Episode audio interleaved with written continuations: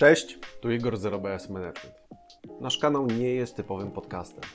Dla umożliwienia wygodnego słuchania w samochodzie albo podczas spaceru umieszczamy tutaj w formie audio zapisy naszych najciekawszych live'ów i webinarów, które jako wideo dostępne są na naszym kanale YouTube. Wspominam o tym, aby nie dziwiły Cię nietypowe dla podcastów wprowadzenia do rozmów, czy to, że do dyskusji czasem włączy się ktoś jeszcze i na przykład zada pytanie. Mam nadzieję, że taka forma będzie lekko strawna, zainspiruje Cię do domyślenia i pomoże jeszcze lepiej radzić sobie z codziennymi wyzwaniami w zarządzaniu ludźmi i projektami. Miłego słuchania. Wykształcenie inżynier elektryk, z zawodu menedżer od wszystkiego. Projektował, prowadził projekty, prowadził zespoły, obecnie zajmuje się rozwojem biznesu, usług i narzędzi i wszystko w branży budowlanej. No i jako sobie mówi, minimalista w każdym obszarze, co, o czym świadczy też wystrój tam pokoju na pewno. E, I reaguje alergicznie, za co, co mi się bardzo podoba, na słowa zróbmy Ganta w projekcie. E, to może od razu zaczniemy tak na gorąco. E, czemu reagujesz alergicznie na takie słowa? Co, myślałem, że do tego przejdziemy, jak pogadamy trochę o, o tym, jak to wygląda w budowlance, ale jak chcesz taki mhm. mały disclaimer, bo on się nadaje do jednej rzeczy, do tej reszty nie. Tak po prostu. To do czego się nadaje? Jak mamy, zwłaszcza w naszej branży, duże rozbudowane mhm. projekty już na realizacji, gdzie zarządzasz budżetem takim materiałowym i, i a, kolejnością prac. Przepraszam, się śmieję, ktoś napisał na czacie, do przesuwania w prawo się nadaje. Mhm. Tak, i zarządzasz tymi kilkudziesięcioma małymi podwykonawcami, musisz ich pokładać w odpowiedniej kolejności, to Gantt się do tego idealnie nadaje, żeby to sobie zaplanować, a, potem już nawet nikt nie przesuwa tego w prawo, bo tego jest za dużo, żeby to robić na bieżąco. Mhm. A, mhm. Natomiast do takiego ułożenia tego projektu, za, zaplanowania, tak. I potem się kończy przygoda z Gantem, zaczyna się akcja, zaczyna się życie. Pewnie po pół roku, jak e, zarząd zapyta, gdzie jest GAN, to ktoś go odkopie, coś tam zaktualizuje i pokaże. Nie? Mhm. Natomiast e, to nie jest narzędzie, które żyje razem z projektem. Mhm. Czyli coś, pod czym ja się też podpisuję rękami i nogami, że to jest, to bywa spoko narzędzie do pokazania tak zwanego big picture w dużych projektach, ale nikt przy zdrowych zmysłach nie zarządza tymi zadaniami na co dzień, bo się po prostu, bo się po prostu nie da. No dobrze, słuchaj, no to ja bym chciał, żebyś ty przede wszystkim na początku wyjaśnił nam, jakie są właściwie te kierownicze stanowiska w budowlance. Bo z tego, co ja kiedyś rozmawiałem z tobą, to project manager to wcale nie kierownik budowy, jest jakiś, nie wiem, kierownik budowy, kierownik inwestycji, może gdzieś tam jeszcze jest obok project manager, to żebyśmy się zgubili, żeby, żebyśmy, żebyśmy się nie zgubili, żebyśmy wiedzieli w ogóle, o czym my tutaj rozmawiamy. No dobra, to mm, bardzo niełatwa próba uporządkowania tego wszystkiego. Podejrzewam, że to pewnie jeszcze zależy od konkretnej firmy, od konkretnego kraju, od konkretnej budowy, czy nie? Wiesz co, e, musimy pogadać o tym, co się dzieje w Polsce, jak to wygląda w Polsce, mhm. bo chociażby ze względu na nasz proces inwestycyjny i uprawnienia budowlane, e, których w wielu krajach Europy Zachodniej po prostu nie ma, mhm. tam, pewnych, tam pewnych funkcji nie ma. Więc e, no, ten obrazek, o którym pogadamy, pasuje do polskiego rynku. E, no ja mam przyjemność pracować w firmie, która działa na międzynarodowych e, rynkach też w, w całej Europie, więc mhm. wiedzę jak to, jak to wygląda mam. Natomiast pewne funkcje są uniwersalne i pewne funkcje pojawiają się wszędzie. I to są właśnie te funkcje, które są związane z zarządzaniem samą inwestycją, bo mm, kierownik projektu to jest pewne hasło. Natomiast to też zależy, czy mówimy o projekcie, który jest realizowany, w sensie trwa budowa, czy mhm. w, o projekcie, który jest na etapie przygotowania czy projektowania. No dobra, e, no to powiedz, powiedz tak od etapu przygotowania do etapu tego, że nie wiem, że przyjeżdża prezydent i przecina wstęgę. I to znowu, po inżyniersku, to zależy. E, są dwa modele tak mhm. naprawdę mhm. taki kluczowy realizacji inwestycji w budowlance. Jeden to mhm. jest um, taki model projektu i buduj, gdzie gro roboty spada na firmę wykonawczą i ona tak naprawdę działa sobie z inwestorem. Jest mhm. też taki model, gdzie inwestor wynajmuje sobie firmę zarządzającą dla niego całym procesem. Mhm. To jest ten model powiedzmy obszerniejszy i taki bardziej reprezentatywny. Więc e, jakby ograniczając się do tego, Czyli jest sobie inwestor, inwestor, czyli ktoś bogaty i on po prostu wynajmuje firmę, żeby mu coś zbudowała. Tak, zróbcie mi wszystko od początku do końca, mnie nic nie interesuje, za dwa lata chcę, żeby działało. Mhm. Przychodzi sobie do takiej firmy em, z kontraktem i jako jeden z pierwszych ludzi, których on poznaje, jest kierownik projektu. Kierownik projektu to będzie człowiek, który z tym klientem jest i on się nim opiekuje i z nim pracuje od początku do końca, jeśli mówimy o takiej formule. E, Mhm.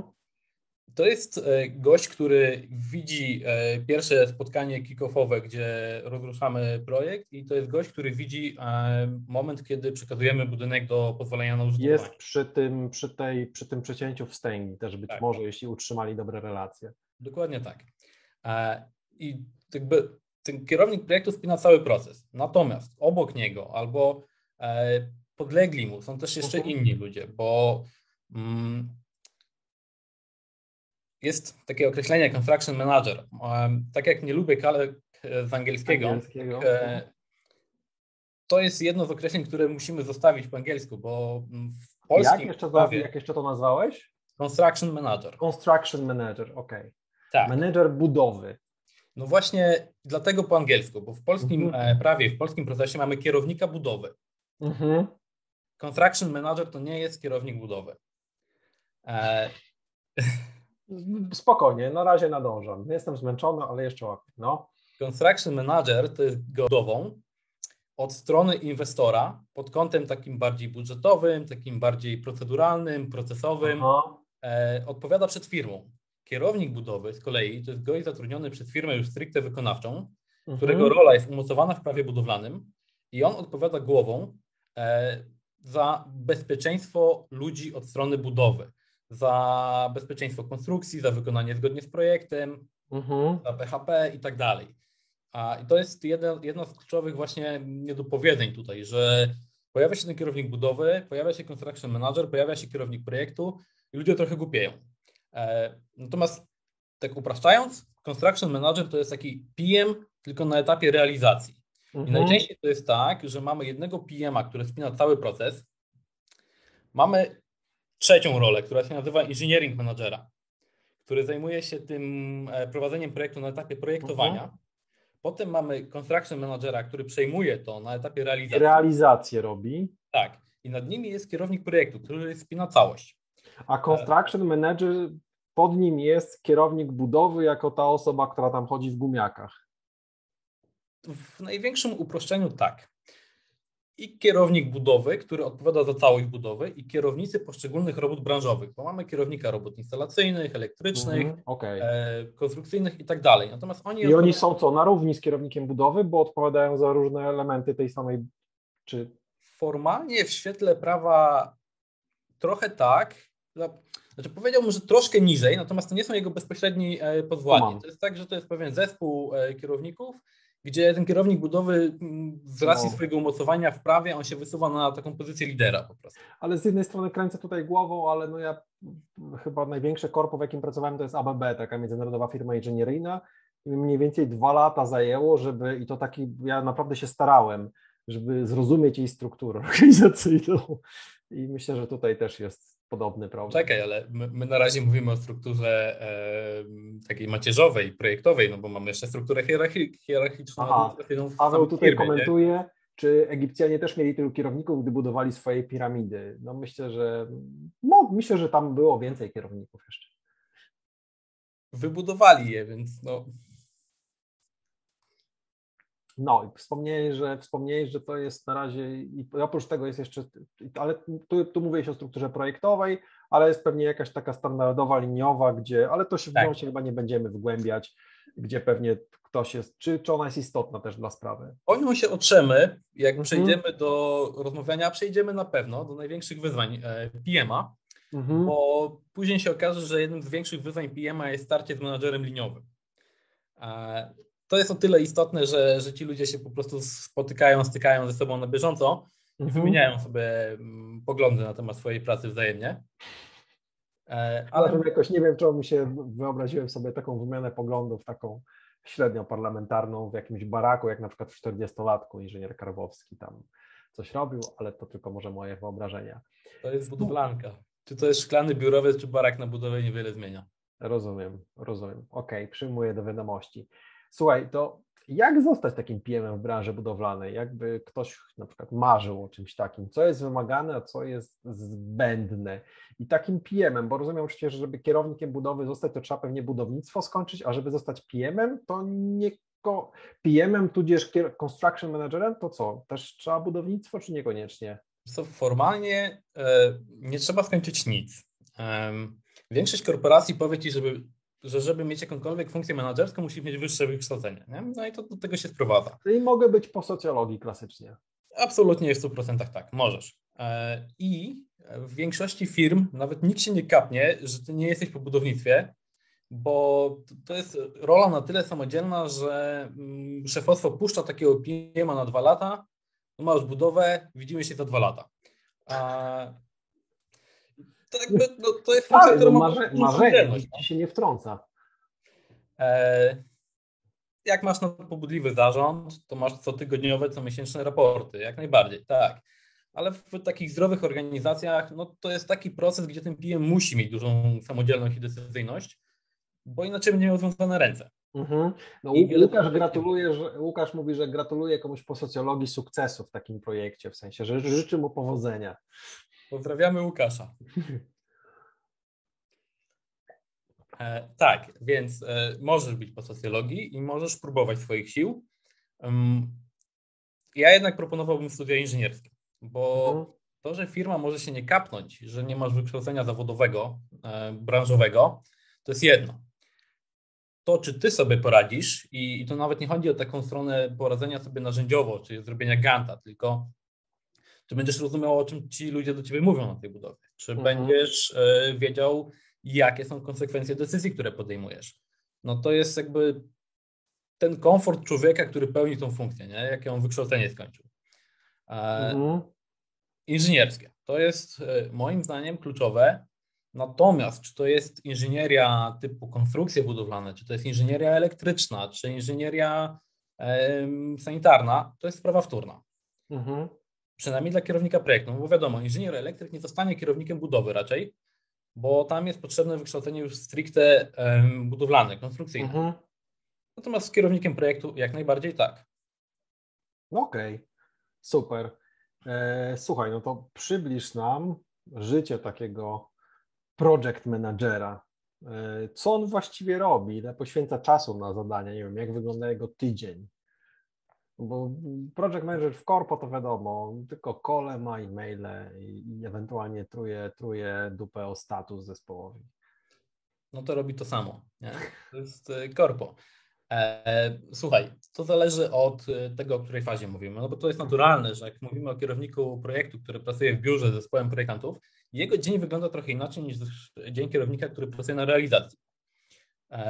Podejrz, znaczy spodziewam się, że pewnie jest łatwiejszy na etapie projektowania, bo jest taki no biurowy. No to, to jakieś różnice odnośnie korpo chyba dużych nie widzę. Nie ma, ale część kierowników, z którymi ja rozmawiałem, twierdzi, że łatwiejsze jest życie PM na budowie. E, z, z prostego powodu. W tej robocie masz emocje. Są nerwy, jest stres. E, Barak jednak lepiej znosi głośną i gromką kurwę niż szklane szyby w biurowcu. Mhm. Tam trochę inne obyczaje panują. To też się nie ma co oszukiwać. E, komunikacja bywa bardziej brutalna, bardziej bezpośrednia.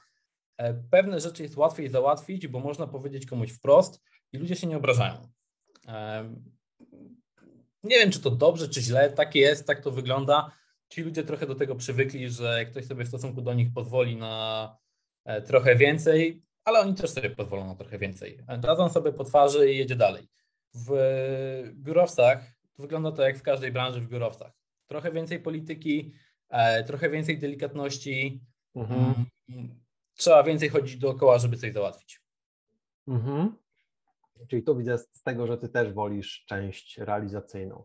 Ale ja pracuję w części projektowej. to może jest kwestia, że po prostu trawa jest zielo, że zieleńsza po drugiej stronie płotu. Nie, mnie po prostu w pewnym momencie mojej kariery zamknięto, e, odcięto od zespołu e, i ograniczono mi kontakt z ludźmi. Masz tutaj, możesz sobie krzyczeć. Mhm. Mhm. A no dobrze, no to biurowco powiedziałeś, a taki dzień takiego PM już jak jest faza realizacji? To, to, to, co on tam robi? E, spotkań też ma dużo, bo, mhm. no bo z tymi ludźmi się trzeba spotkać. To są, to jest trochę... A jakoś dogląda statusu, w sensie co, chodzi i patrzy jak budowa rośnie? Generalnie gasi pożary. Praca o. każdego PM polega na gaszeniu pożarów. Tutaj też nie ma się co oszukiwać, że to jest picie kawki z chłopakami na budowie przy fajeczce. To też, bo jednak te relacje budujemy wszędzie i one są ważne i mhm. te relacje pozwalają bardzo dużo rzeczy załatwić.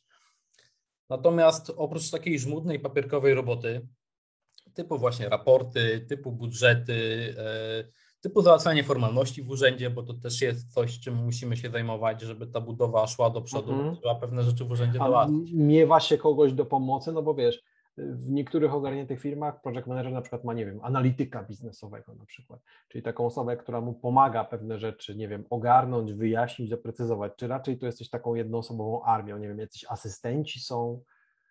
Są. Jest administrator projektu, jest e, asystent kierownika, jest czasami inżynier projektu, to też jest e, ciekawym stanowiskiem, bo e, cofając się parę zdań wcześniej, jak mamy kierownika projektu, mamy też inżyniera projektu. Na dużych, dużych, naprawdę dużych projektach pojawiają się te dwie funkcje. To też jest ciekawa alternatywa, bo nie wszystkim na przykład w pracy kierownika projektu odpowiada użeranie się z klientem, czy chodzenie w garniturze na spotkania komitetu sterowego. Mhm. Więc w tych dużych projektach, gdzie mamy tych e, dwóch panów, e, robotę dzielą między sobą najczęściej tak, że inżynier projektu zajmuje się e, zespołem, rozwiązywaniem problemów technicznych i tak dalej, mhm. a kierownik projektu bierze na siebie klienta i całą komunikację zewnętrzną. Więc też często ma tego, tego inżyniera projektu do pomocy, do wsparcia. Asystenta, tak. Nikt o zdrowych zmysłach nie pozwoli kierownikowi projektu siedzieć i dłubać w gancie E, raczej będzie to robił asystent. Mm, o, o, tak, ktoś na to, przepraszam, ktoś na to wpadł. Nie, że płacą ci y, iluś cyfrową, kwo, iluś cyfrową kwotę i naprawdę y, przesuwanie prostokącików może nie jest najlepszym y, sposobem na zużycie tej kwoty. Nie? Tak, to, to, jest, to jest właśnie sedno. E, kierownik projektu jest od podejmowania decyzji i życia z mhm. konsekwencjami tych decyzji. E, I ja lubię no, no, no i jakie decyzje na przykład podejmuje? Podaj, podaj przykład. Trudne. I to, to no, banalna odpowiedź, no, nie? No, miałem cię tutaj, wiesz, za gardło. Trud tych decyzji polega na pogodzeniu dwóch interesów, bo z jednej strony jesteś zatrudniony przez jakąś firmę. Mhm. Ta firma ci płaci, więc no, robisz tak, żeby ta firma zarabiała pieniądze dzięki twojej pracy. Tak. Ale z drugiej strony chcesz, żeby klient był zadowolony. Tak. I jak jesteś na budowie, to y, jesteś bliżej zespołu klienta niż swojej macierzystej firmy. Mhm. Y, pojawiają się kwestie typowo ludzkie. Po prostu zaczynasz tych ludzi lubić. Chcesz się z nimi dogadać. Y, więc możesz mieć pokusę, żeby zgodzić się klientowi na więcej i cierpi na tym twoja firma pogodzenie tych dwóch interesów jest e, ciężkie, trudne, ale w budowlance pojawia się trzecia strona. I to jest prawo budowlane i wszystko, co z tym związane.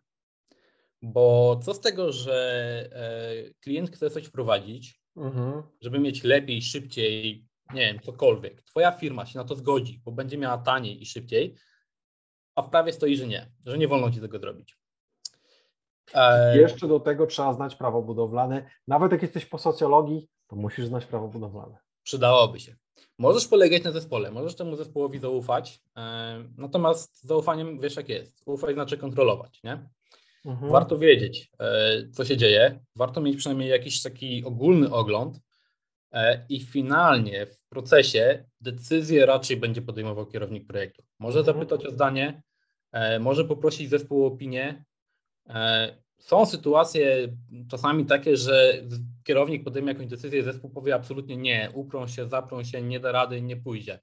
E, najczęściej wtedy mają rację, bo jeśli zespół tak już mocno się zacietrzewi, to znaczy, że to już ostro lecimy po przepisach, w ogóle e, zaraz prokurator na budowie, nie? Mhm. Natomiast dopóki takich momentów nie ma, to zespół raczej tę decyzję poda w górę do kierownika projektu. Mhm.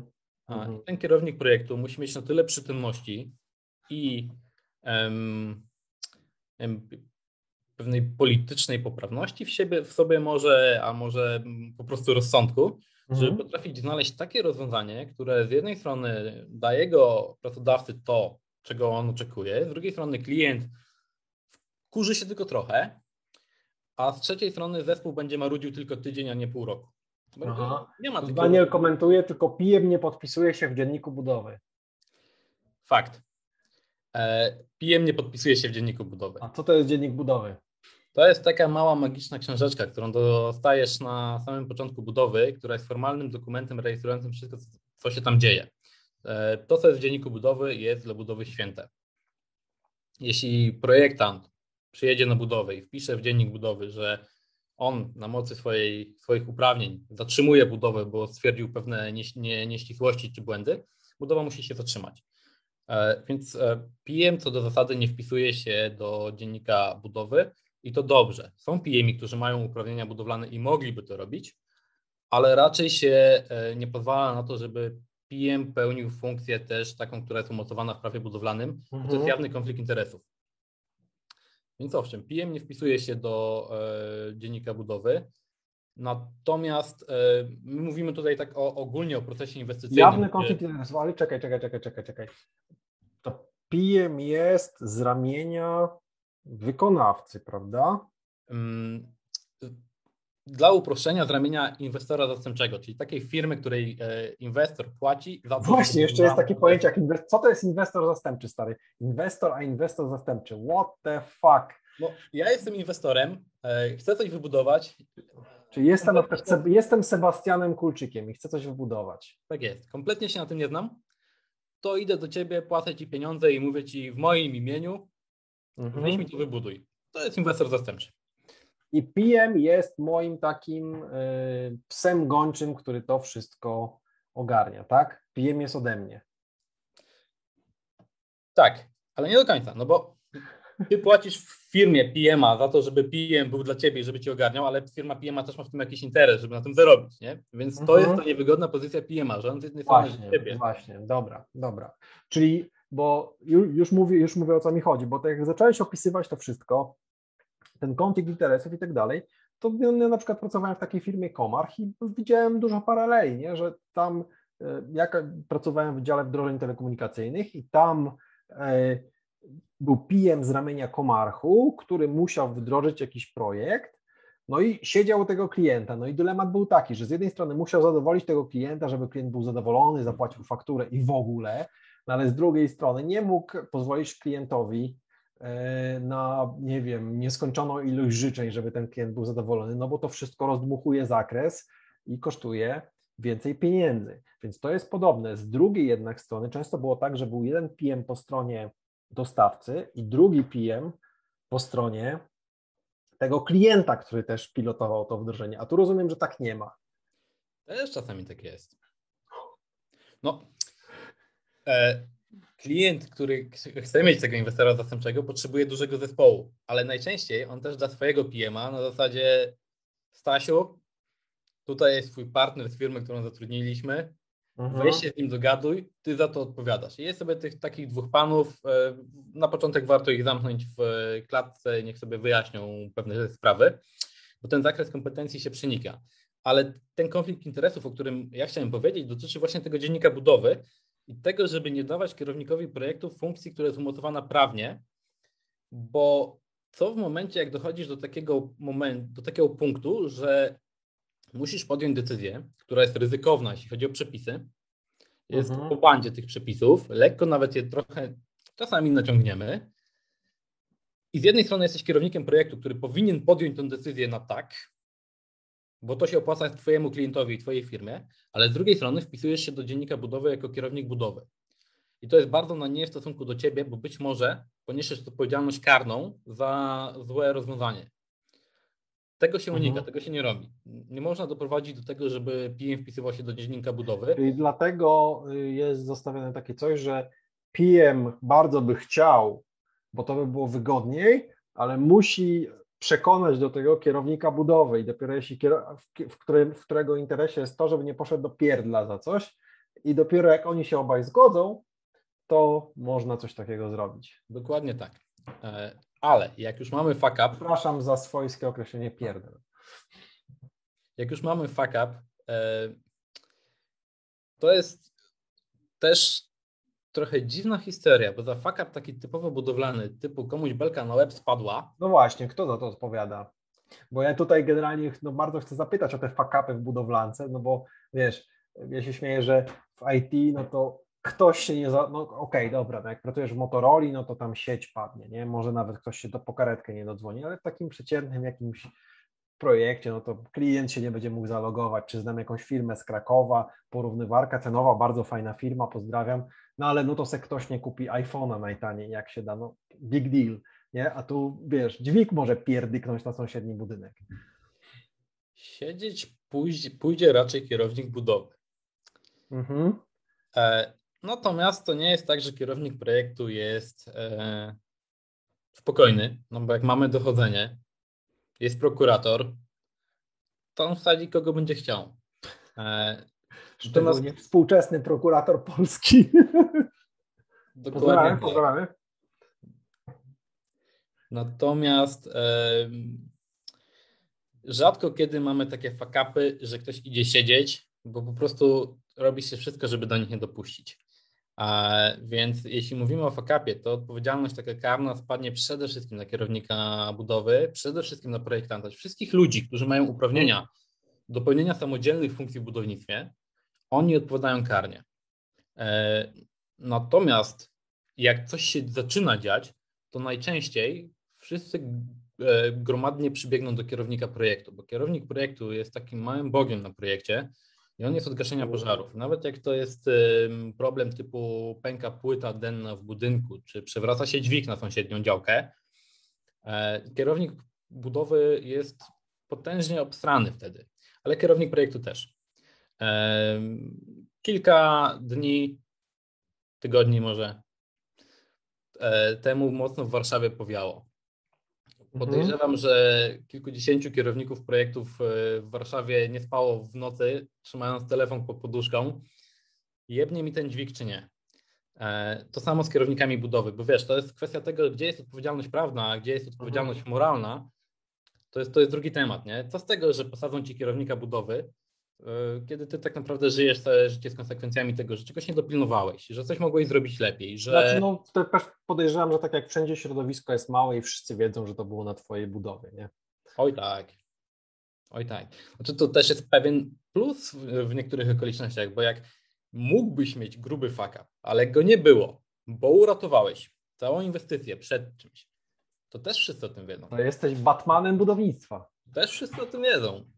Telefony dzwonią, wiesz, non stop, nie?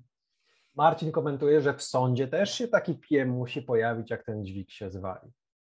Dokładnie.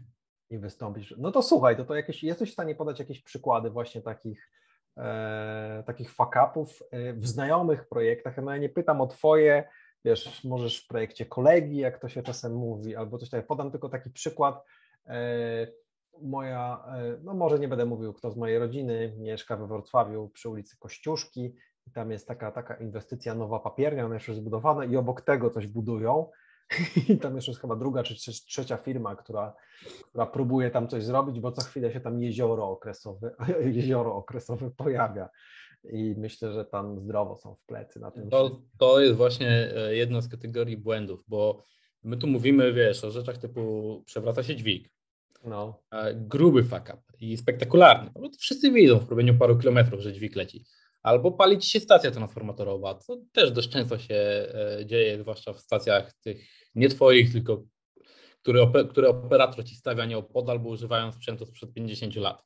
Mhm. E, masz e, fakapy z, z jednego z projektów sprzed paru lat, gdzie dochodzi do eksplozji rozdzielnicy E, której skutkiem jest śmierć jednego gościa i oh, wow. głębokie poparzenia płucu drugiego. Makabra na, na wieczór, ale tak jest, nie? E... Tylko takie pytanie techniczne, bo już chciałem to powiedzieć tak pół żartem, ale to nie jest, nie, nie, nie, jest, nie jest rzecz do żartowania. Co to jest rozdzielnica? Poczekaj, bo mnie trochę przytkało. Tego pytania się nie spodziewałem. E, to jest takie urządzenie e, elektryczne, które zasila Twój budynek. I tu, no, tu akurat mówimy o takiej głównej rozdzielnicy, więc to jest ten punkt, do którego przychodzi Ci kabel z. Na cały budynek. Tak. I to jest, to jest ten główny punkt, z którego masz zasilane wszystko w Twoim budynku. Znaczy wiesz, no ja kładłem elektrykę w swoim mieszkaniu, z którego tutaj nadaję, ale to raczej tam roz... z rozdzielnicą się nie spotkałem. To no nie, no, z kablem sześciożyłowym. Masz rozdzielnicę nad e, drzwiami w ścianie. No dobra, czyli to to takie z tymi... To to, tylko ze 100 razy większe. Dobra, no to widzisz, już będę, już będę, już będę wiedział. Tak dwa metry wysokości. To inne przykłady, inne przykłady. Daniel mówi, że ma wrażenie, że e, wzniecanie pożarów na budowie czasem jest celowe, żeby strażacy mieli uznanie za swoją pracę. Co Pan o tym sądzi, Panie Michale? Budowa kocha strażaków. Każdy budynek musi zostać odebrany przez Państwową Straż Pożarną. Mhm. To znaczy, że jak masz gotowe i chcesz e, mieć pozwolenie na użytkowanie, to musisz zaprosić panów strażaków, żeby ci budynek obejrzeli. E, I dobrze by było, gdyby w pamięci nie mieli tego, że dwa tygodnie wcześniej coś tam gasili. Aha. Bo... A, a Daniel tu pisze, że ma wrażenie, że wzniecanie jest celowe. No to. Ale mówimy o pożarach merytorycznych czy fizycznych? To tutaj Daniel zaraz się, zaraz, zaraz się, zaraz się yy, skomentuje, natomiast wracamy do Twoich przykładów, jakiś, jakiś też fuck up. Powiedziałeś o tej eksplozji rozdzielnicy. Yy, jeszcze jakieś? E, no, w Warszawie na przykład standardem są niewybuchy. Mhm. Z II wojny światowej. Mamy historię, jaką mamy. Ciężko wbić łopatę w Warszawie, żeby na coś nie trafić. Większość kierowników projektu tutaj, którzy już parę lat pracują, z reguły dopija kawę e, i dopiero dzwoni po saperów. No bo to się kończy zawsze przyjazdem saperów, nie? nie? Innej opcji mhm. nie masz. No ale kawa stygnie, nie? E, Czyli rozumiem, ale... że to jest taki trochę dzień jak co dzień. Trochę tak. To jest trochę przerażające, ale tak jest. Ale z drugiej strony masz e, błędy i, i, i fakapy, które ci się pojawiają jeszcze na tym wcześniejszym etapie, jak projektujesz. Bo na realizacji ten fakap widzisz od razu. No, kopiesz koparką, widzisz nie wybuch, nie? Jakby ciężko, ciężko go nie mhm. zauważyć. E, natomiast w projektowaniu jest o tyle ciekawiej, że jak zrobisz fuck up, to się dowiesz o nim za rok. Jak na przykład e, wypiększająca się woda w jeziorku. No właśnie tutaj Łukasz pisze, że Wrocław, oszczędność na etapie badań geologicznych i, analiz hydrogeologicznych, norma w projektach. Oszczędność kilku, Oszczędność kilkunastu tysięcy na etapie projektowym, straty na etapie wykonawstwa w setkach tysięcy. No Łukasz tam mówi. Proszę, Łukasz wie co mówi? Wie co mówi. No, no, no. To ta osoba z mojej rodziny z dużym zainteresowaniem obserwowała różne ekipy, które coś z tą wodą próbowały zrobić bezskutecznie. Chyba już się w końcu udało, ale to trwało tak z półtora roku. To jest błąd na etapie projektowym, o którym nikt nie wie. Nikt nie wie, dopóki ktoś tego budynku nie wybuduje i nie poużytkuje go rok. E, ta eksplozja rozdzielnicy też może być błędem projektanta, o której nikt nie wie, bo wiesz, wydajesz projekt, e, po półtorej roku ta rozdzielnica przejeżdża na budowę. Mhm. Wtedy, wracając do tej nieprzyjemnej sytuacji, tam po godzinie na budowie był projektant, e, kierownik robót, kierownik budowy, prokurator i policja. Po godzinie, nie? projektant, który robi ten projekt półtorej roku, bo pierwsze podejrzenie jest takie, że ktoś spierdolił projekt. Mhm. To jest pierwsze podejrzenie. Nie? E, przyczyn może być wiele, bo mm, coś mogło pójść na realizacji nie tak, bo producent mógł e, dostarczyć wadliwy aparat i w tym przypadku akurat tak było. Ale. A czy mogłoby się zdarzyć tak, że faktycznie na przykład producent dostarczył nieprawidłowy aparat, ale ty jesteś trochę na przykład miętki i się sfrajerowałeś i mogliby zwalić winę na ciebie? Raczej w sensie, czy bo... trzeba, czy, czy, czy, czy, zmierzam do pytania, czy trzeba uważać, bo może się okazać, że wiesz, że przypadkiem e, za niewinność znajdziesz się w sądzie. Znaczy na pewno znajdziesz się w sądzie. To bez dwóch zdań. E, w takich przypadkach. No, pytanie, w której ławce, nie? Tak, w takich przypadkach ekstremalnych E, no to tam wiesz, wchodzą ekspertyzy, e, miesiące badań, dochodzeń i tak dalej. Więc tutaj cię raczej producent nie wsadzi do pierdla za swój błąd. Ciężko byłoby mu to zrobić po prostu, bo mhm. ktoś to prędzej czy później wyłapie. Ale są, e, są błędy mniejszej kategorii, gdzie mówimy na przykład o kasie, nie? Nie, nie o kasie typu 10 tysięcy, tylko raczej 2-3 miliony. Tylko więcej błędu. tak. No i tu się zaczynają jazdy, bo e, to wykrywa na przykład klient albo inspektor nadzoru, e, albo służby państwowe przy odbiorze Mhm. budynku wykrywają, że coś jest źle zrobione i nie działa jak trzeba. Pomylił się projektant, czy pomylił się wykonawca budując? Często jest tak, że pomylił się ten, kto miał mniejsze jaja przy e, awanturze. Bo no, jak mówimy o takich ekstremalnych Czyli przypadkach, mniej się postawił. tak. Czasami trzeba po prostu No, swoje wykrzyczeć. znaczy powiem tak, to też trochę jak w zwykłych projektach, tylko że podejrzewam, że tutaj w budowlance no to, to, to ryzyko, to co się z tym wiąże może być trochę gorsze, bo możecie ktoś pozwać i to już nie jest wcale takie zabawne. Poziom odszkodowań też jest e, momentami absurdalny, no bo jak budujesz na przykład fabrykę, która będzie klientowi produkować coś, na co jest popyt, cukiereczki jakieś, dosłownie, albo pigułeczki, bo na niektóre jest duży popyt. E, No, Ja nie wiem o czym mówisz. to dobrze. E, Dobra, nie idźmy tą drogą. Dobra, to robimy krok wstecz. Koszt usunięcia usterki może wynosić 2 miliony. Kwota może mała, może duża, nie? E, Natomiast jest jeszcze jedna rzecz. Usunięcie usterki trwa i nie trwa em, 40 godzin pisania kodu, tylko trwa na przykład 4 miesiące. Mhm. I jeśli klient nie dostanie tej fabryki wtedy, kiedy mu obiecałeś, to za te 4 miesiące przystoju on ci każe zapłacić. A dzień przystoju linii produkcyjnej kosztuje na przykład 10 milionów złotych. Dużo. Każda firma może zbankrutować przy tym. Dlatego u nas się robi tak, że co by się nie działo, to termin. Nie? Trzeba dowieść projekt w terminie, przekroczysz budżet, raczej przymkną na to oko. Jakość e, no jest kluczowa, żeby komuś krzywdy nie zrobić, ale dopóki nie robisz komuś krzywdy, a, a celowo rezygnujesz z takich mniejszych elementów, przejdzie, poprawimy później. E, się dosztukuje, jak już uruchomimy fabrykę bo, bo sprytny kierownik projektu tak poukłada proces, żeby pewne rzeczy Mhm. mniej newralgiczne przerzucić na, na potem. Mhm. E, natomiast jak nie oddasz tego w terminie, to mogiła. I to na przykład właśnie, jak mamy takie opóźnienie, to to kierownik projektu zajmuje się takim układaniem, mówi, Tak jest. to tam, wiesz, boazerię to później położymy. No to, to, to jest ten obszar, w którym kierownik projektu może błysnąć. Czy ma oko, czy czuje branżę, czy wie, co robi, e, czy ma na tyle sprytu, żeby poukładać te rzeczy może czasami trochę głupio, czasami trochę nieintuicyjnie. E, Wszyscy się stukają w czoło, że to, to, to się nie da, Mhm. a potem się okazuje, że kierownik e, projektu zrobił dwa miesiące oszczędności na czasie i to super, bo każdy projekt ma opóźnienia, to się przyda, nie? Na koniec.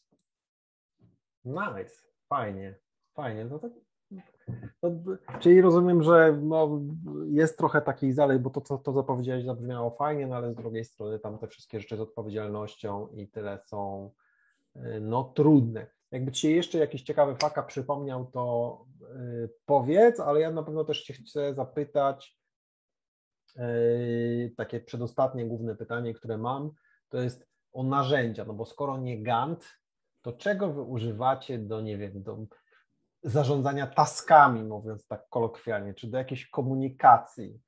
Ganta. Tylko, nie, tylko nie mów, że Trello i Slacka. Nie. E...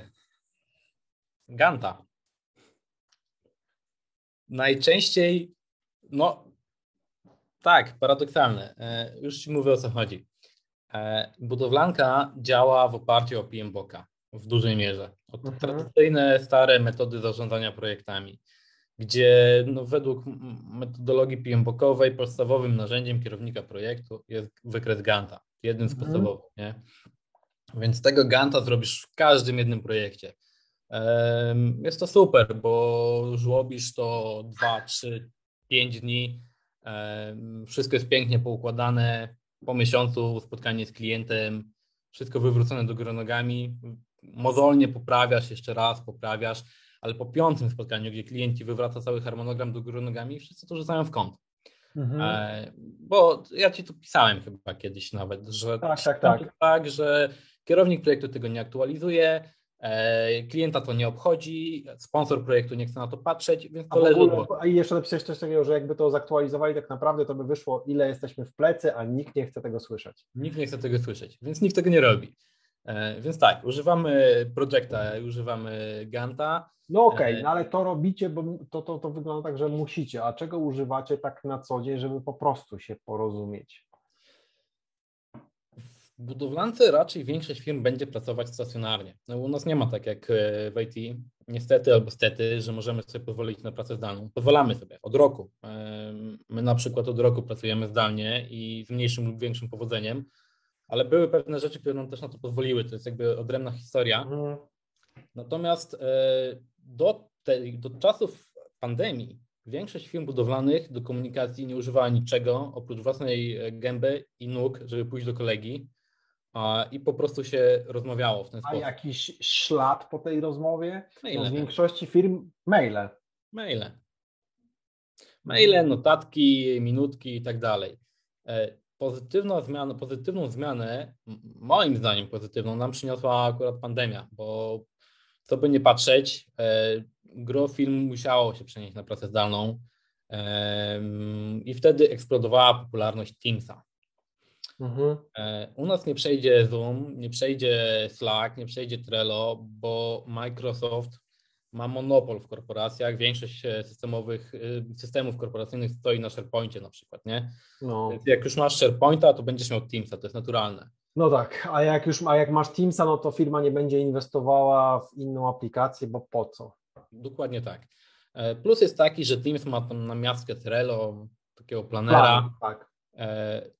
To zaczęło funkcjonować i to się zrobiło modne, jak kierownicy projektu musieli zacząć sobie radzić z tym, że ludzie nie mają obok siebie.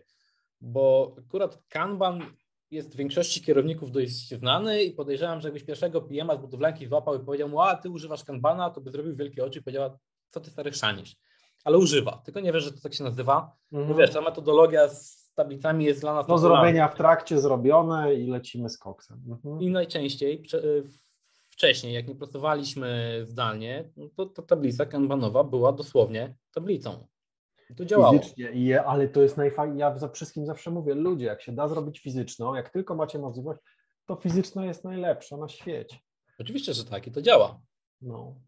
Tylko nie będziesz wysyłał jej zdjęcia mailem teraz, nie? Chociaż niektórzy podejrzewam do tej pory tak robią. Ja kiedyś widziałem jakieś, jakieś na przykład dwa zdalne zespoły, które się synchronizowały, że tablica była w pokoju u jednego, a u drugiego była tylko kamera i coś tam, ale no to, to jest już trochę upierdliwe. Jest trochę upierdliwe. No Teams czy, czy Trello rozwiązuje ten problem. To nie jest Mhm. fajne jak przedstawianie post-itów e, na, na szklanej tablicy, e, ale jest. Ale rozumiem, że z kierownikiem budowy to już byś się za pomocą Trello, czy, tfu, czy Teamsa, czy Planera nie porozumiewał, tylko z nim to bardziej maile i notatki. Nie, do niego musisz pojechać. Jak kierownik budowy odpowie ci na maila, to możesz e, grać fanfary i ogłaszać święto. Okej, To jest gość, którego nie ma przy komputerze, on lata po budowie, wiesz, załatwia sprawy. I tu, i czyli to rozumiem, że tu pe, pe, też pewnie istotna jest relacja, bo skoro on ci nie odpisuje na maile i za bardzo też nie będziesz miał podkładki, to po prostu musicie się e, jakoś tam porozumieć. Ale to w budowlance to jest, słuchaj, e, kluczowa informacja. No tutaj słowo świętsze niż papier. Jak przybiłeś piątkę z kierownikiem budowy, to on w sądzie zezna, jak było i nie skłamie. To jest e, I to działa. to jest trochę pod tym względem taka tradycyjna branża, e, gdzie z takimi trochę konserwatywnymi wartościami. Ale od tej pozytywnej strony, jak się umówiliśmy. Znaczy, na ja, to, to, to, co mówisz, to mi się podoba, bo ja stary, tyle, ile się po prostu ściemniania nasłuchałem e, w innych branżach, to jest, to jest po prostu hardcore. Wiesz, ludzie ci kłamią w żywe oczy, nie? Tutaj też się kłamie, tylko raczej na poziomie dyrektorskim. To się nazywa No nie, nie, to polityka. na poziomie dyrektorskim to już się kłamie w milionach, nie? Ale ja mówię Tak. na, tym- na tym najniższym też. Igor, robi się politykę. Mhm. Tak, przepraszam, faktycznie. Od pewnego poziomu zer to już nie jest kłamstwo, to jest polityka. Dokładnie tak. E, Natomiast e, na budowie przybiłeś kimś sztamę, będziesz miał. Nic się złego nie wydarzy, nie musisz mieć podkładki na maili. wiesz, bo z drugiej strony, halo, to, to się trochę kłóci z moim takim, wiesz, typowym takiego Cześka przeciętnego postrzeganiem budowlanki, bo to mi się kojarzy z moimi fachowcami, którzy mówią kierowniku, kierowniku, będzie pan zadowolony i to już wtedy znaczyło, że będzie dramat. Ale rozumiem, że to jest trochę inna relacja. E, to jest e, jakby poziom pośredni, bo już nie mówimy no to jest, o rozumiem, że to, to jest to, co ten kierownik, kierownik budowy ma niżej. E, Nie, bo to, to- jest te- ten tekst, o którym ty mówisz, będzie pan zadowolony, to jest taki typowy e, tekst majstra na budowie, który tam z brygadą układa płytki. Panie kierowniku, będzie pan zadowolony, nie? Kierownik, Tak, tak, tak. kierownik budowy to jednak, e, no, jakby nie patrzeć, funkcja menedżerska i wyższe wykształcenie i lata doświadczenia. Mhm. Kultura może nie wygląda na wyższą, ale wbrew pozorom jest. Mhm. Rozumiem. Ale poczekaj, bo chyba my odpływamy od tematu, bo Nie, no ja się tutaj o zadania wypytałem, bardzo Narzędzia. dobrze, i o narzędzia, tak. e, Teams, listy w Teamsach i tak dalej, jakby od tej części elektronicznej. e, To w zasadzie tyle, no bo czego my więcej potrzebujemy? Em, W Jira u nas nikt nie korzysta, bo to nie jest zupełnie to, to przeznaczenie. No robimy tego No nie, nie, ja też nie jestem fanem, tak abstrahując od tego.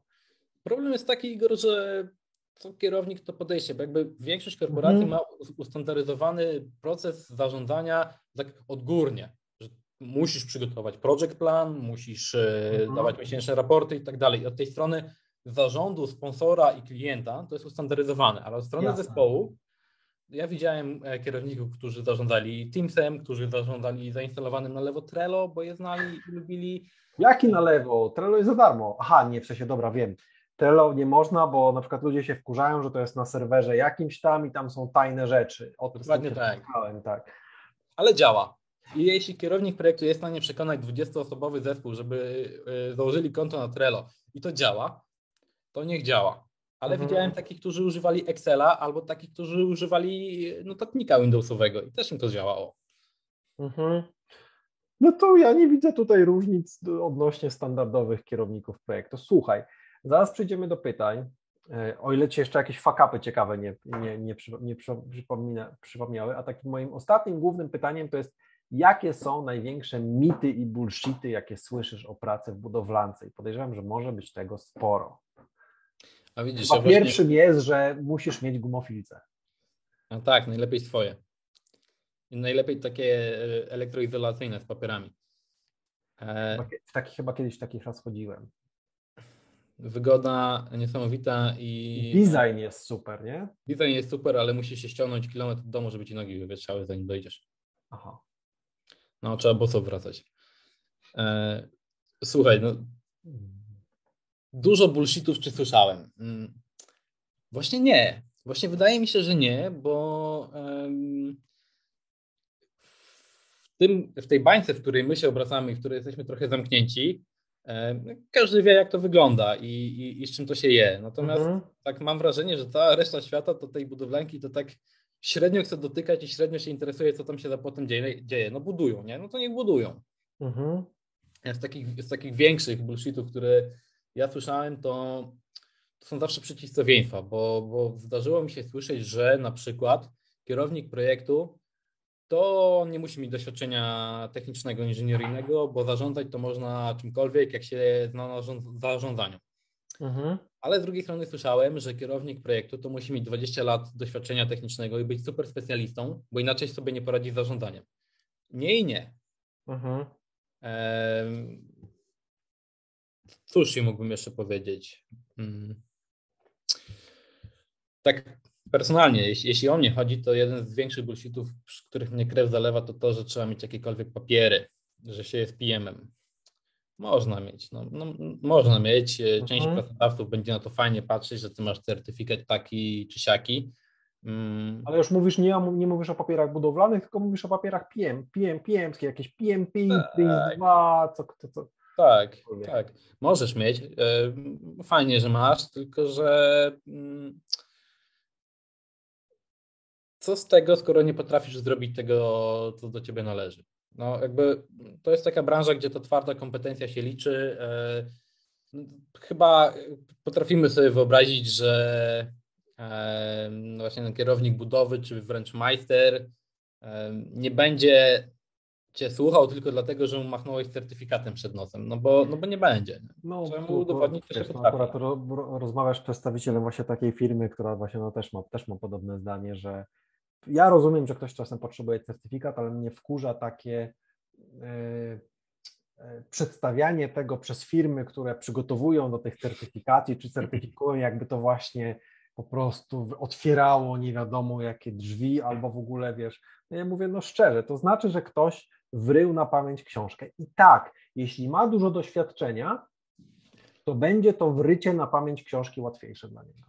E, To jest jedna rzecz. A druga rzecz, że mm, wbrew temu, co firmy, które sprzedają te szkolenia mówią, e, u nas na przykład to potrafi zablokować czasami zatrudnienie, no bo postaw się na, na miejsce takiego menadżera, który zatrudnia potencjalnego PM-a, przychodzi do niego gość, który ma 25 lat, 27, PM Boka, Prince'a 2, e, nie wiem, Scrama, co jest, coś jeszcze, cokolwiek, nie? Tak siedzisz i się drapisz po głowie, no dobra, ale ty 3 lata temu skończyłeś studia, e, No. zrobiłeś tyle tych papierów, no ale to chyba raczej nie miałeś e, czasu popracować, nie? Tak na budowie. Ale serio tak myślą? Tak. Jak ktoś ma Ja, ja, 40 ja, też tak, ja też tak komentowałem kiedyś właśnie jak ujrzałem jakiegoś właśnie dwudziestokilkulatka, co miał chyba z siedem certyfikatów na LinkedInie po przecinku wypisanych i mówię gościu, to kiedy ty pracowałeś? jak masz 40 lat i masz te papiery, no to Mhm. okej, no bo miałeś czas to zrobić. Nie? Pewnie się uczyłeś weekendami. Jeszcze jak masz fajne doświadczenie i to widać w CV, że pracowałeś w tej branży, to super, to działa na Twoją korzyść, Mhm. no bo gdzieś tam wryłeś tą książkę na pamięć, to znasz teorię zarządzania Mhm. i możesz ją przekuć w praktykę, ale jak masz e, 25-7 lat i szereg certyfikatów, to może być Ciekawe, kontrproduktywne. ciekawe, ciekawe, podoba, po, podoba, podoba mi się ten wniosek. E, No. Ja mam sporą podejrzliwość wtedy w sobie. Mhm, mhm, fajnie. Dobra, Michał. Słuchaj, Dawid, y, co tam dla nas się y, pokazało? Widziałem, że tutaj też się pojawiła dyskusja na temat tego, że kilkanaście lat przed Henrym Gantem podobne narzędzie do wykresu Ganta wymyślił Karol Adamiecki, polski teoretyk zarządzania. Y, I ja o tym doskonale wiem, bo jak kończyłem studia na, na Akademii Ekonomicznej we Wrocławiu jeszcze wtedy, to e, oblałem koncertowo egzamin z podstaw zarządzania na pierwszym roku, ale i pamiętam, że miałem jedno z pytań, właśnie musiałem coś o Karolu Adamieckim napisać i myśmy się śmiali wewnętrznie, e, bo zapamiętaliśmy, zapamiętaliśmy, zapamiętaliśmy takie kretyńskie zdanie z podręcznika, ja je napisałem jako odpowiedź. Napisałem, że jego gwiazda nie zabłysła tylko dlatego, że pisał po polsku. I właśnie te, a później musiałem wkuć na pamięć, że to on właśnie wykres Ganta, chociaż wtedy nie miałem pojęcia, co to jest wykres Ganta, bo miałem 19 lat. To, to tyle. Dawid, co tam dla nas jest przygotowane? Daniel pisze. e, Mit, jaki ja ciągle słyszę, to to, że budowa żyje własnym życiem i nie da się tego planować. Michał, sprostujesz czy potwierdzisz?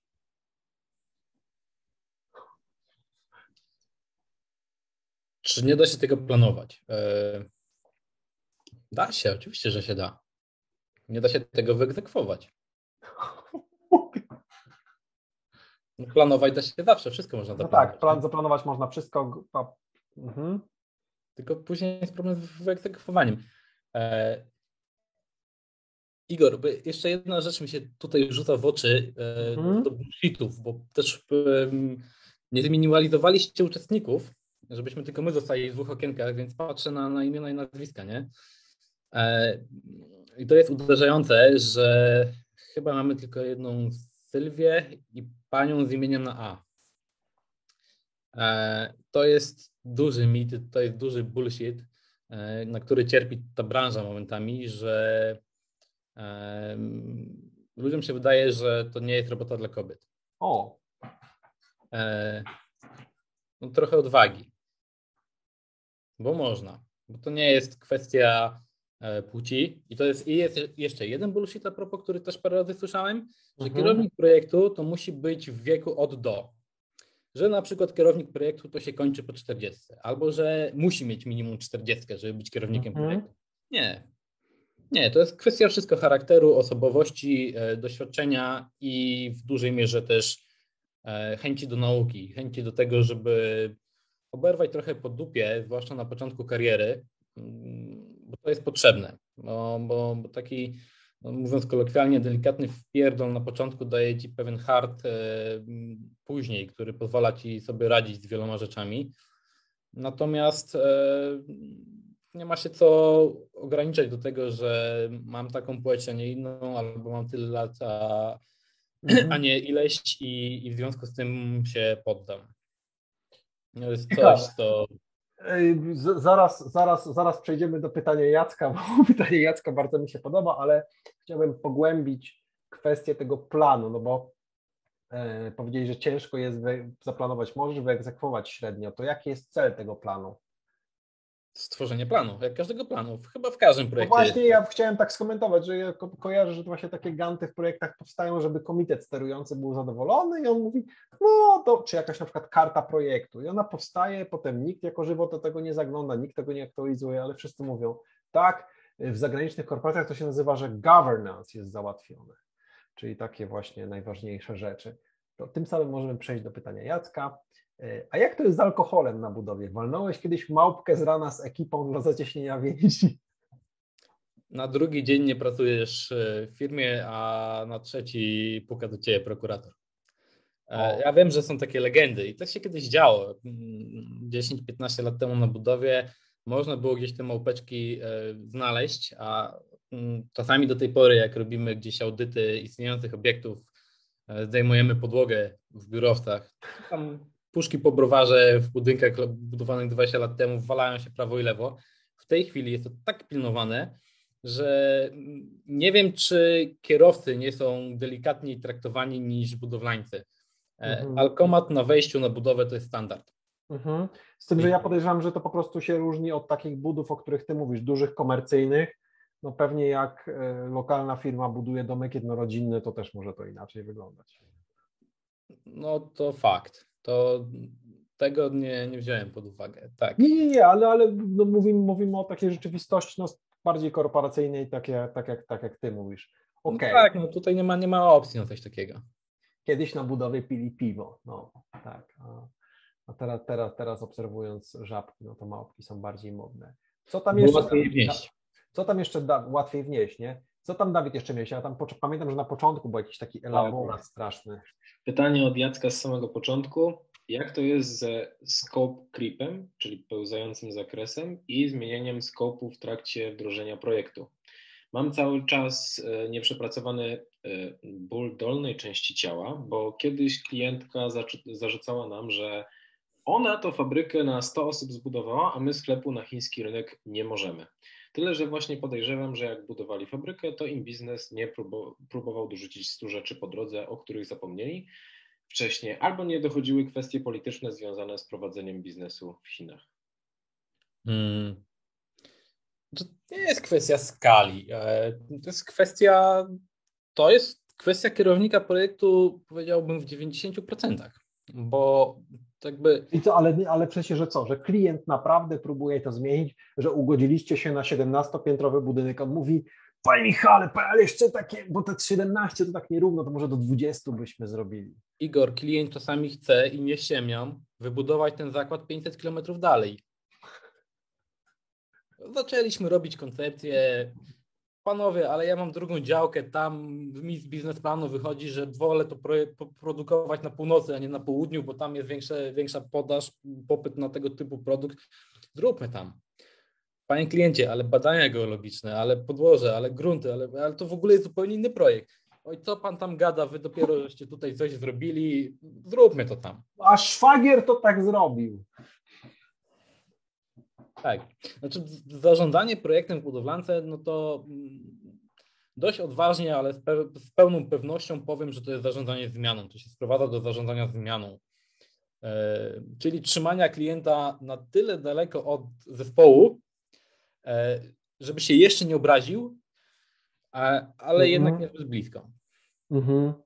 No i tak sobie myślę jako like, że to pewnie jest, kupa rzeczy związanych z materiałami, jakich użyjecie, z jakimiś normami, które chcecie spełnić yy, i, i tak dalej, i tak dalej, i tak dalej. I tym pewnie można różnie szafować, zmieniać, wydziwiać i, i, i tak dalej. Jak, no jedyny taki mocno inżynieryjny projekt, którym zarządzałem, to tam były elektronika i tam też jakieś, wiesz, w zależności od tego, jaka norma miała być spełniana, to to mógł być totalnie inny projekt, totalnie inny koszt, wiesz, jakie temperatury miało coś wytrzymać i tak dalej, i tak dalej, i tak dalej. To to jest podobnie, no to się opiera wszystko o przepisach, fakt. Natomiast w obrębie samych przepisów klient może chcieć coś totalnie zmienić albo wymyślić sobie, że zamiast 100 osób w pracy jednozmianowej będzie miał e, pracę czterozmianową e, i będzie po 25 osób na zmianie i w ogóle cała ta część obsługująca ludzi sanitarna będzie cztery razy mniejsza. Mhm. E, No, proszę pana, ale my wydajemy projekt za tydzień, do urzędu go składamy. No ale proszę pana, ale ja wam zmniejszam zakres. Będzie cztery razy mniejszy zakres. To, to, to, to pan tu usunie, to przecież to tydzień czasu nie zajmie. Taki morał na koniec, że zarządzanie projektami w budowlance niczym się nie różni od zarządzania. Znaczy, jeśli, jeśli faktycznie mówisz o dużych projektach, nie, no to to dokładnie się niczym nie różni od zarządzania takimi dużymi, milionowymi projektami, e, gdzie, gdzie indziej być może z tą, z tą różnicą, że faktycznie jest ta kwestia prokuratorska i to jest no. Tak, bo w projekcie IT raczej nikt cię nie wsadzi. Wyrzucą cię. E, No, ale, nikt, ale nikt cię nie wsadzi. Moje odczucie jest też zbliżone, że to jest ta główna różnica. Ona, bo z tej e, ponadgodzinnej rozmowy wychodzi na to, że różnica, jak daliśmy 5 minut, a, bo ta różnica jest maleńka, ale ona jest Mhm. kluczowa. Mhm. E, Ona jest kluczowa o tyle, że mm, nie przyjdziesz raczej. Co ty tam człowieku robisz? Lubisz życie na krawędzi? No Pewnie, że ka- każdy, kto tu pracuje, lubi życie na krawędzi. E, powinniśmy w ogóle młodo na emeryturę przychodzić, jak policjanci albo żołnierze. Okej. Bo Dawid, wydaje mi się, że to już są wszystkie pytania, prawda? Jeszcze się pojawiło kilka, także O, no to dobra, to dawaj, bo chciałem takim właśnie tutaj akcentem zakończyć, a tu są kolejne. Dobra, dawaj. jeszcze nie. E, Daniel pyta, czy praktyka i zero teorii może w ogóle funkcjonować na budowie? Praktyka i zero teorii. Mm. To zależy od tego, o jakim poziomie mówimy. E, Nie widziałem. Podejrzewam, że jeśli ktoś jest naprawdę łebski, nie skończył studiów, ale przepracował te 15 lat i się po prostu e, uczył w trakcie e, wielu rzeczy, mogłoby to zadziałać. Bo ja też jestem wielkim fanem praktyki. Natomiast problem tu jest tylko taki, że żadna korporacja komuś bez wyższego technicznego nie pozwoli tego robić. Mhm. Dobra. I kolejne pytanie. Lepszy P o, od Marcina tym razem. Lepszy PM wywodzący się z projektowania, czy typowy po zarządzaniu?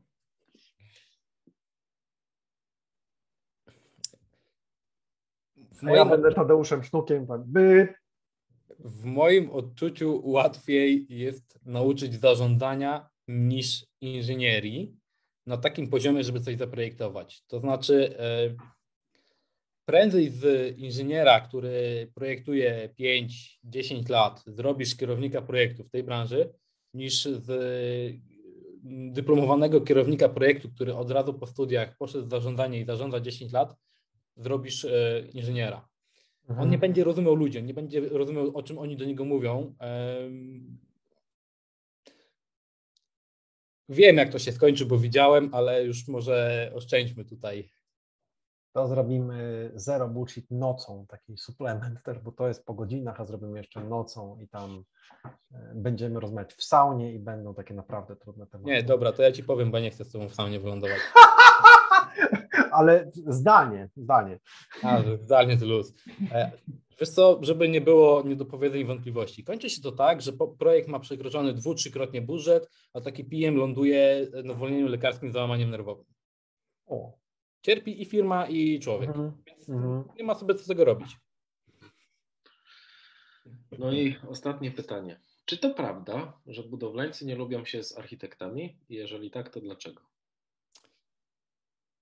To, to teraz lecimy w klimaty totalnie zero bullshitowe. Mm.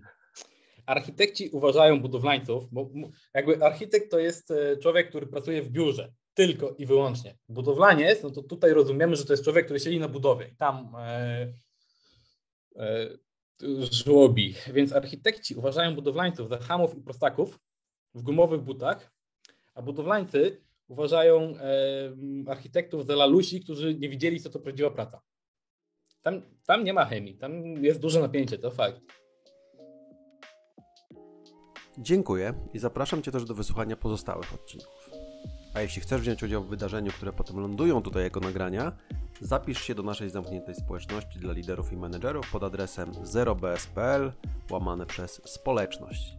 To tam w pierwszej kolejności umieszczamy informacje o kolejnych planowanych wydarzeniach. Pozdrowienia i do usłyszenia.